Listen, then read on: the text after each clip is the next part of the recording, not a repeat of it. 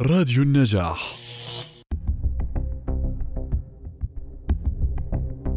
يعتبر إجراء المقابلات مع الأشخاص المتضررين أو الضحايا الذين انتهكت حقوقهم جزءا أساسيا من التحقيقات التي تتناول قضايا تمس حياة الناس ومعيشتهم لأنها تشرح تفاصيل القصة وتبين مواضع الخلل وحجم الضرر كما توضح أيضا أثر الانتهاك على معيشة الأفراد وحياتهم اليومية. وتعطي للمتضرر مساحة للتعبير عن رأيه في الظلم الواقع عليه والمطالبة بإنصافه واسترداد حقوقه.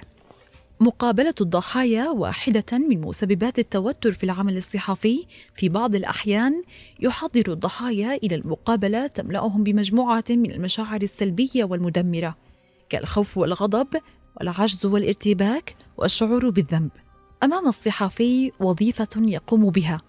وهي جمع المعلومات والحقائق بدقة ومهنية في مدة زمنية محدودة. تتطلب المقابلة الفاعلة التأني وعدم السرعة حيث يرغب بعض الصحفيين في الوصول إلى المعلومات والحقائق فورا متجاوزين مشاعر الضحية. هذا النهج لا يأتي بنتائج مرضية لذا ينصح بمحاولة بناء الثقه معها وعدم لومها بل معرفة الحقيقة ونشرها لتأخذ العدالة مجراها مع منتهك حق الضحية. كما يجب أن يتجاوز الصحفي الصورة السلبية عن الضحية مثل الحديث عن الملابس الجذابة لضحية الاغتصاب وأن يتجنب الأسئلة الاستجوابية المفرطة وأن يتعاون الصحفي مع مصادر أخرى في مكان الحادث لضمان عدم مطالبة الضحايا بالاطلاع أو استرجاع نفس المعلومات بشكل متكرر. وعلى الصحفي أن يكون منصفا ومهنيا وألا يسمح لتحيزاته الخاصة بالتأثير على تفاعلاتها مع الضحايا. وألا يفكر في القوالب النمطية ولا يعامل المصادر على أساسها. وعلى الصحفي أن يثقف نفسه حول التعامل مع الضحايا المختلفة ولا بأس بالاطلاع على مصادر وكتيبات ونشرات كلما احتاج ذلك. مقابلة الأطفال مثلا تبدو كأنها حقل ألغام أخلاقي كيف يمكن للصحفي أن يوازن بين أهمية سماع أصوات الأطفال والخطر في تشجيعهم على إعادة سرد الأحداث المروعة وتذكرها؟ وهذا ينطبق على كل ضحايا الصدمة أو الناجين منها. واجه الفيلم الوثائقي عن الأطفال السوريين اللاجئين في لبنان هذا التحدي. تحدث الأطفال في الفيلم بحرية عن كيفية إدارتهم للحياة في منازلهم الجديدة وما الذي فروا منه وما هي تطلعاتهم للمستقبل.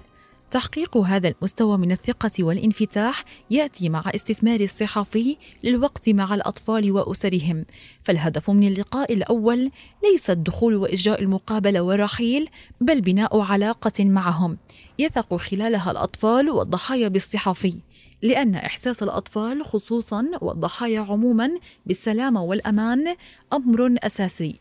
ومناقشة القضايا الصعبة يجب أن تكون بدعم الآباء لأطفالهم وبوجودهم في المقابلة. يجب أن يكون استماع الصحفي للحديث أكثر من كلامه خلاله وطرح الأسئلة يجب أن يكون بذكاء دون جرهم إلى أماكن الرعب. ومنح الأطفال مساحة تمكنهم من اختيار التفاصيل التي يرغبون في الكشف عنها. اعتاد الصحفيون استجواب السياسيين الأقوياء لكن الأمر يختلف عند مقابلة المصابين بصدمة نفسية إذ غالبا ما يشعرون بالعجز.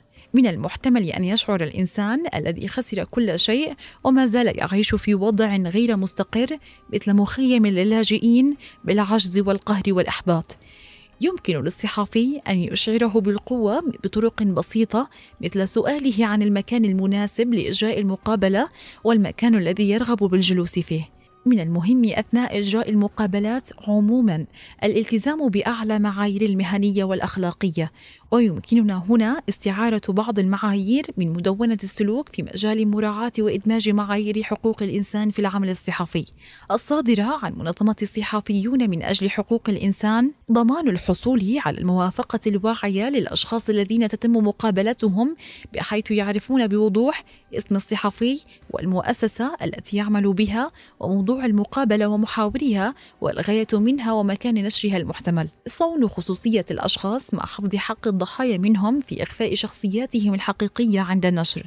إنصاف الضحايا وتلافي إلحاق الأذى أو الضرر بهم بحيث تراعى سلامتهم أولا مع تجنيبهم استعادة الألم الذي أصابهم ثم سرد قصصهم بدقة في سياقها الصحيح. مراعاة حساسية الضحايا وتفهم ظروفهم وعدم إزدرائهم أو الضغط عليهم من أجل الحصول على المعلومات.